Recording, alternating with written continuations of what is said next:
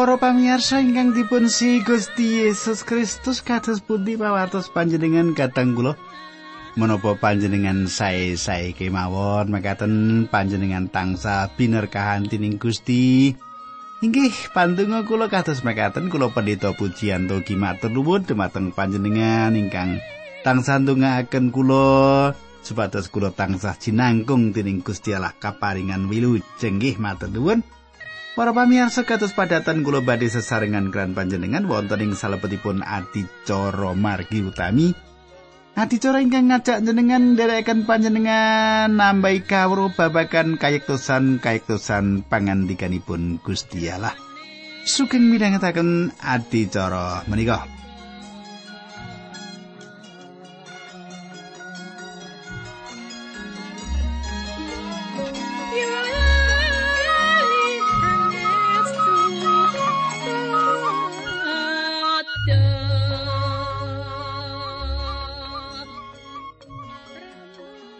Para pamirsa, menapa panjenengan tasih kemutan? Menapa ingkang kula aturaken nalika pepanggihan kepengger? Wonten ing pepanggihan kepengger ringkesipun kula ngaturaken bilih kita sampun nyemak wonten kathah wujud peladosan ingkang saged kita tindakaken minangka bukti anggen kita pasrah dumateng Gusti Allah. Kathah peladosan ing gereja kita menapa kemawon menika menawi kita nglatosi menika minangka tondo kados pundi kita masrahaken dumateng Gusti Allah. Lajeng kados pundi kelajenganipun kita badhe nyemak nanging saderengipun menika monggo kita tumungkul kita ndedonga sesarengan. Duh Kanjeng Rama ingkang ada dampar wonten kraton ing kasuwargan matur nuwun sanget menawi kawula samenika saged pinanggih malih saged tetunggilan kalian sedherek pamirsa ingkang kula kangeni. Nyuwun paduka berkahi adicara menika linambaran asmanipun Gusti Yesus Kristus kawula ndedonga. Haleluya. Amin.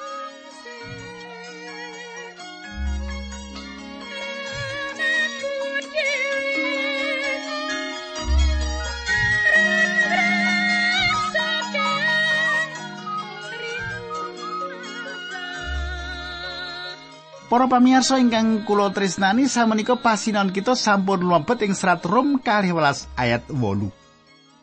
Serat Rom bab 12 ayat 8 makaten surasipun. Yen ganjaran kanggo ngata-kata ya padha ngata-katako sapa sing ngedum-edumake barange marang wong liya nindakno kelawan ikhlas sing ati sing dadi panuntun nindakno kelawan taberi sing olah kawalasan nindakno kanthi bungaing ati.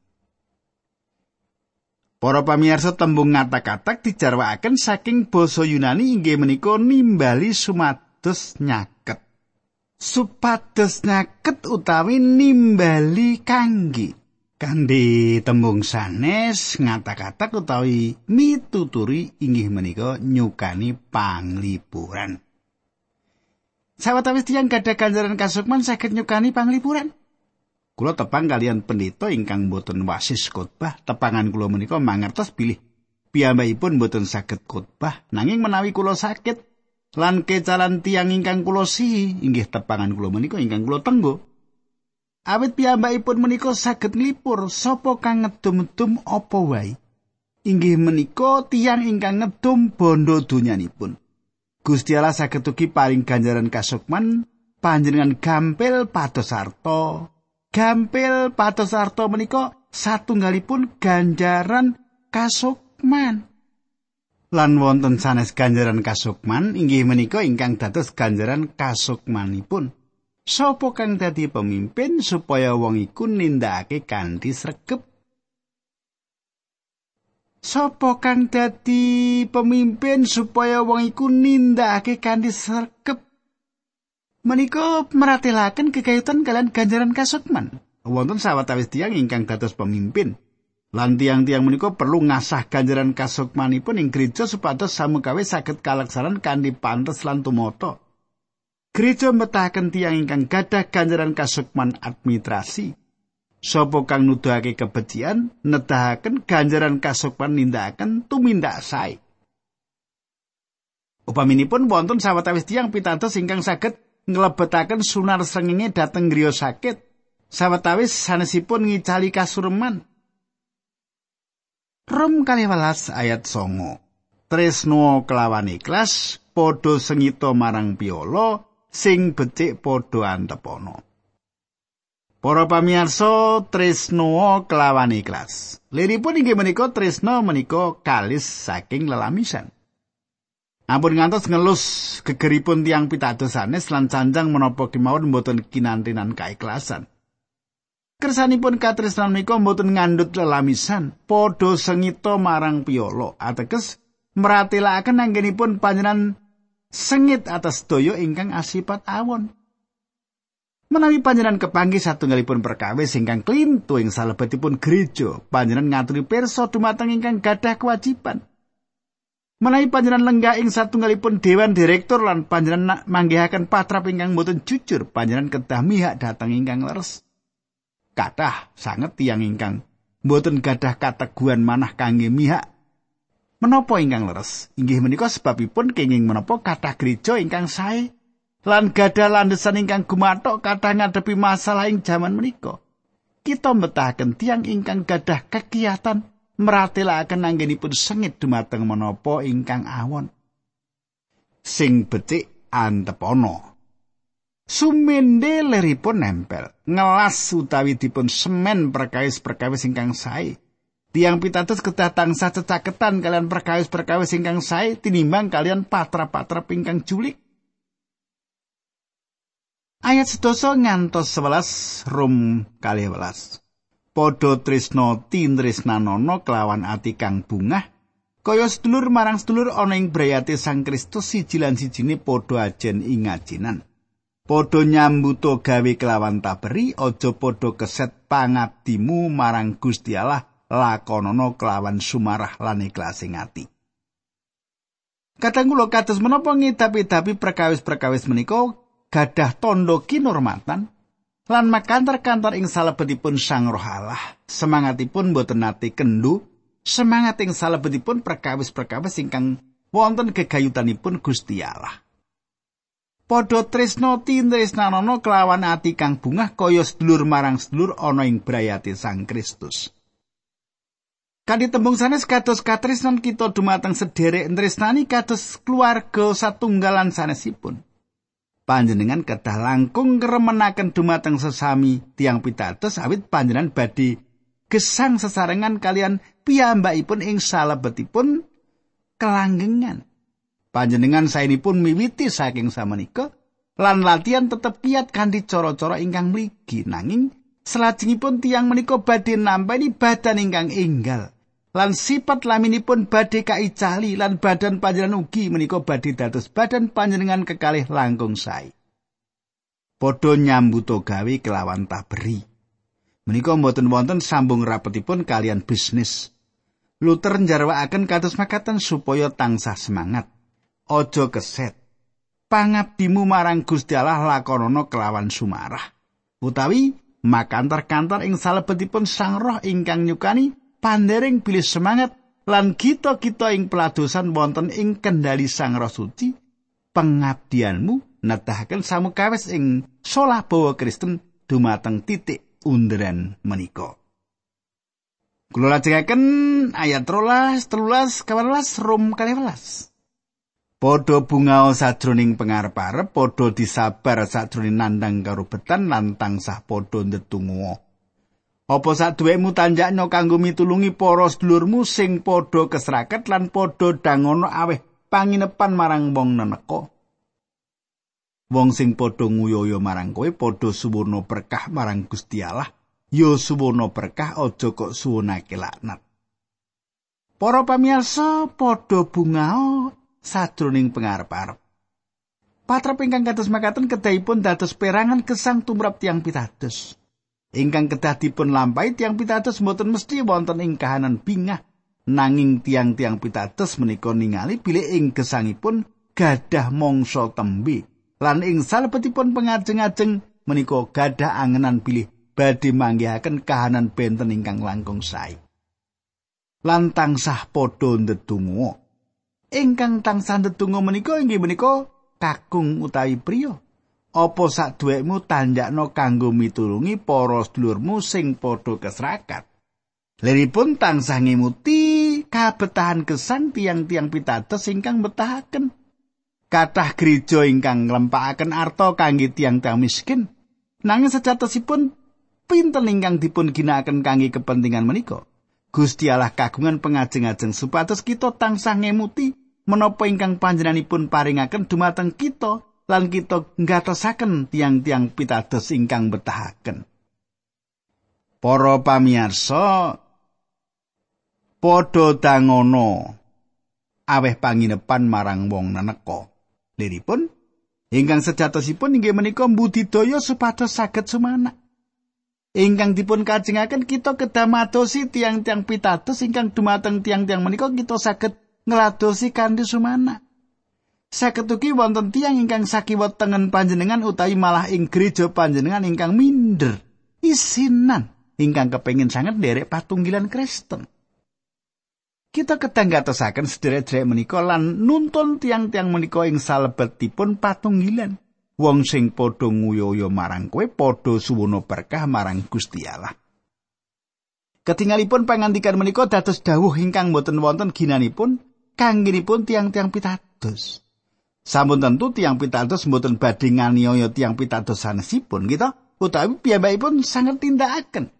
Saestu angel berkahi tiang ingkang sampun nendang panjenengan nanging kita dipun kedahaken supados berkahi lan boten ngedalaken tembung ingkang sipatipun ngipati-pati. Nah, dadi wong Kristen kok angel kok ngene to yo ya kita. Nah, saat menika ayat kang 11 ngantos 16 Rom 12. Padha bunga-bunga karo wong sing bunga lan nangiso karo wong sing lagi nangis. Sajroning pasrawungan karo wong kabeh aja nganggo mbeda-mbedakake, aja padha gumunggung padha dangono nglakoni pegawian sing dianggep asor, aja kuminter. Para pamirsa padha bunga-bungao karo wong sing bunga. Semboyan jagat menika inggih menika gumuyu lan jagat bakal gumuyu karo panjenengan nangiso lan panjenengan badhe nangis piyambakan. Nanging perkawis menika mboten badhe kelampahan tumrapipun tiang pitados. Kita ketam mlebet ing salebeting kabinganan kasangsaran kalian tiang-tiang pitados sanesipun. Panjenengan nangis kalian sedherek-sedherek ingkang nangis. Sadroning pasrawungan karo wong kabeh aja nganggo beda-bedakake mboten ateges seragam. Ing cara mikir nanging kita kedah gadah penggalipun Sang Kristus Tiang-tiang pitados kedah mlebet ing reraosan ing salebetipun gesang tiang-tiang pitados. Manut kula inggih menika satunggalipun perkawis ingkang adamel tiang-tiang Kristen sejatos saestu ngadapi-dapi. Wong-wong Kristen sejati kuwi tenan-tenan ngidapi-dapi. Para pamirsa, aja padha gumunggung padha dangono nglakoni penggawean sing dianggap asor. Para pamirsa ampun ajri sesrawungan kalian tiang-tiang ingkang asor lan perkawis-perkawis ingkang kelas ngandap Paulus ngendika dumateng pasamaning Filipi Filipi kali ayat gangsal sikapmu dikoyo Yesus Kristus. Para pamirsa penggalih ingkang kados menapa ingkang dados kagunganipun Gusti Yesus menika? Inggih menika penggalih ingkang sederhana aja padha gumunggung Kanthi tembung sare sampun gadah anggapan bilih namung panjenengan piyambak ingkang wicaksana, kathah sanget tiang-tiang suci ingkang gadah pikiran bilih piyambakipun menika gadah tata kasukman ingkang langkung. Nanging sejatosipun boten Soleman tiang ingkang gadah kawicaksanan saking Gusti Allah maringi dawuh ingkang yang semaken. Ulang bebasan 6 likur ayat kali welas. Wong tanpa budi sing bodho dhewe kuwi kaanane luwih becik ketimbang karo wong sing rumangsa pinter dhewe. Kula mboten wantun sanjang ingkang kados makaten menika nanging menawi Sulaiman saged gitu. Para pamirsa panjenengan kula gesanging jagatipun tiang-tiang ingkang boten pitados. Kados menapa kedahipun pasrawungan kita kalian tiang-tiang ingkang boten pitados menika? Cobi panjenengan semak. Rom kali ayat pitulas lan molulas. Ojo mal solo marang wong sing gawe piolo marang kowe. Padha ngudiya nindakake apa sing dianggep becik dening wong akeh sebisa-bisa udinen supaya uripmu rukun karo wong kabeh. Para pamirsa, aja malesala marang wong-wong sing gawe piala marang kowe. Kados-kados saking pengantikan menika tiang pitados saged nampi piawon saking jagat. Nanging kita mboten dipun parengaken bales, padha ngudiya nindakake apa sing dianggep becik dening wong akeh.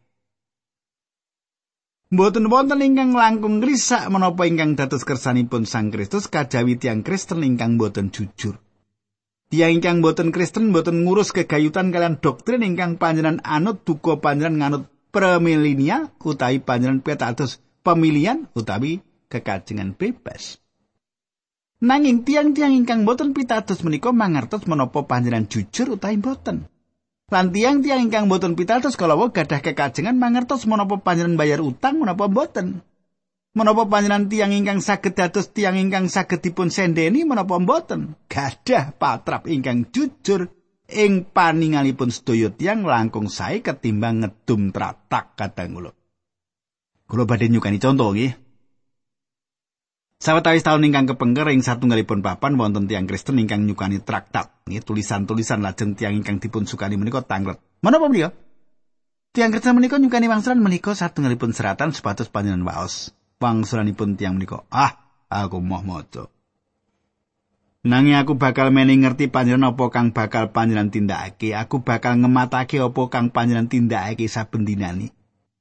Menapa ingkang dados sanjangipun tiang menika pas sangat jagat menika sawek ngemataken menapa ingkang panjenengan tindakaken? Sanes traktat utawi seratan ingkang panjenengan dumaken? Ampun klintu penampi nyebaraken traktat kabar kabingan menika penting nanging saenipun panjenengan gadah patrap gesang ingkang nyengkuyung menapa ingkang sampun panjenengan sebar menika. Para pamirsa sabisa-bisa udinen supaya urip murukun karo wong kabeh Kula remen pangandikan menika awit wonten tiang-tiang ingkang boten saged dipun dadosaken rencana. Rancangan tiang-tiang menika boten badhe nyukani wewengan ngempal kalian tiang-tiang menika. Wonten satunggal wanita ingkang gesang piyambakan tiang Kristen ingkang ngidapi-dapi. Ingkang kula ing satunggalipun dinten kanthi kaprihatosan ingkang lebet awit piyambakipun gadah tangga ingkang kalian tiang Kristen menika boten purun srawung. Lan piyambakipun kepingin mangertos menapa kula badhe dateng lan ngomong kalian tanganipun menika. Ing wekdal kula badhe dateng mriku kula mikiraken kegayutan anggenipun wanita menika piyambakan. Sinaosa piyambakipun tiang Kristen saged ugi piyambakipun nglampahi kangelan kanthi gesang piyambakipun menika. Dados kula kesalan rembakan kalian tangganipun. Tonggo menika sanjang dumateng kula menapa ingkang dipun pikiraken kegayutan kula lan wanita kala wau. Kulo wangsul dumateng wanita Kristen menika lan sanjang manut kula. Panjenengan boten perlu bingung malih gadah pikiran saged srawung kalian tiang menika menapa boten boten wonten tiang setunggal kemawon ingkang saged srawung kalian wanita menika. Kitab suci ngendikaken sabisa-bisa udinen. Kitab suci boten ngendikaken bilih panjenengan kedah srawung kalian piyambakipun. Panjenengan tindakaken menapa ingkang paling saya wong emoh srawung kali kita? Yo rasa gelo gitu ayat 19 kali kali dosa. Para sedulur aja pisan-pisan nindakake pemales mergo sengit dalaran Gusti Allah piyambak sing malesake sebab ing kitab suci ana pangandika mengkini pamalas kuwi wenangku aku Gusti Allah sing bakal malesake mengkono pangandikane pengiran. Malah pangandikane Gusti Allah mengkini yen satrumu keluwen weneh ana mangan yen ngelak weneh ana ngombe sebab srana patra pengurun dadake wirangi lan ngakoni keluputane. Para pamirsa, inggih menika salah setunggal watonan ingkang ageng piyambak ingkang badhe panjenengan panggihaken wonten ing kitab suci. Nanging saestu angel sanget dipun tindakaken dening putra-putra Allah. Ewedal wonten tiyang ingkang napuk pipi panjenengan sisih, mboten gampil panjenengan nyukakaken pipi ingkang sanesipun. Kulo sami kados tiyang ingkang dipun tapuk pipinipun sisih, lan tiang menika ngadeg lan nyukakaken pipinipun ingkang setunggal. Ing wekdal menika tiang menika anggenipun napuk banter sanget ngantos ingkang dipun tapuk dawah. Tiang menika mboten sronto wungu lajeng ngantem tiang ingkang napuk kalawu ngantos semaput. Lajeng wonten tiang ingkang tangket, "Kenapa kowe kok bisa nindakake kaya mengkono? Kowe menehi pipimu sing sijine kenapa ora mandek ngono wae?" Tiang menika mangsulu, Kitab suci ngendika wenehno pipimu sing siji menawa pipimu siji ditapuk. Gusti ora maringi pirsa marang aku apa kang kudu tak tindakake sawise kuwi dadi aku nindakake apa kang kudu tak tindakake kula Guceng nika kadang kula iya Gusti Para pamirsa saestu angel rasipun menawi mboten bales menika. Nanging emedal panjenengan lan kula nglampahi piyambak lan budidaya ngerampungaken kanthi cara bales sekuat tenaga kita. Kita badhe damel masalah ingkang mboten kakendhaleni dening Gusti Allah. Lan kita mboten malih lumampah ing salebetipun iman. Gusti Allah ngendika dumateng kita, kowe mlaku ing sadroning iman karo aku lan menehi wewengan aku ngerampungake kanggo kowe awit aku bakal merantasi perkara kuwi kanthi adil menawa wong iki wis natoni kowe aku kang bakal ngurus wong iku Panjenengan lan kula saged masrahaken masalah menika dumateng Gusti lan kita kedah bangun turut. Kula saged ngaturi pirsa menapa ingkang saged panjenengan tindakaken Nanging kula ngakeni bilih kula piyambak ngraosaken bilih inggih babagan menika ingkang angel piyambak dipun tindakaken. Nanging nate satunggal utawi kaping kalih kula masrahaken dumateng Gusti lan kula saestu eram kados menapa tumatanipun anggenipun Gusti Allah merantasi menika. Panjenenganipun merantasi masalah kula menika langkung sae tinimbang kula ingkang nindakaken. Para pamirsa. Wonten Pak Pendito ingkang nyarisaken pengalamanipun, wonten tiang jaler. Tiang jalur menika dados pengurus salah satu gereja ingkang dipun ladosi Bapak Pendeta Kolowau ingkang sanget nyakiti manahipun ingkang kawitan wonten ing pikiranipun inggih menika ngamplengi tiang jalur menika makaping-kaping nanging Pak Pendeta menika emut ungelipun kitab suci menika lajeng suwan dumateng Gusti lan matur. Duh Gusti, kula gadah kekajengan, kula badhe ngampleng tiang menika lan kula saged nanging kula gagas mboten badhe kula nindakaken. Kula pasrahaken tiang menika dumateng Paduka lan kula gadah pengajeng-ajeng paduka badhe ngurus tiang menika. Pak Pendeta menika ningali tiang menika sawetawis dinten salajengipun Pak Pendeta menika dereng nate ningali tiang ingkang polatanipun surem kados tiang jalur menika. Bungulipun tiang jalur ingkang dados pengurus menika wonten ing salebetipun masalah. Gusti sampun ngajar tiang menika ing wedal Pak Pendeta ningali tiang jalur menika Pak Pendeta mesakaken. Ayat selikur kowe aja nganti dikalahake dening piolo malah piolo mau kalahno sono kabecian.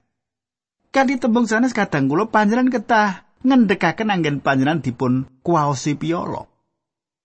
Panjenengan ketah saged nguwaosi piolo kanthi cara ingkang sae awit tiyang pitados wonten ing jagat ingkang awon kanthi cara iblisipun. Tiang pitados mboten saged lumawan.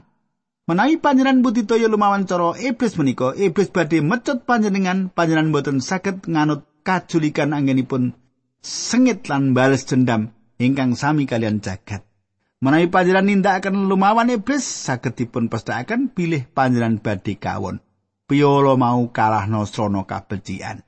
Gusti Allah maring kesainan. Dumateng tiang pitados inggih menika Sang Roh Suci. Panjenengan kedah lumampah wonten ing salebetipun roh. Galatia kang sal ayat selangkung roh Gusti Allah kuwis maringi urip anyar marang kita. Mulane yo panjenengane sing kudu nguwaosi urip kita. Makaten dawa pangantikanipun Gusti monggo kita ndedonga sesarengan. Duh Kanjeng Rama ing swarga kawula ngaturaken kuing panuwun menawi wekdal menika kawula saged tetunggilan kalian sedherek kawula lan ngedum berkah. Dinambaran asmanipun Gusti Yesus Kristus supados paduka kiyataken sedherek kawula menika haleluya amin.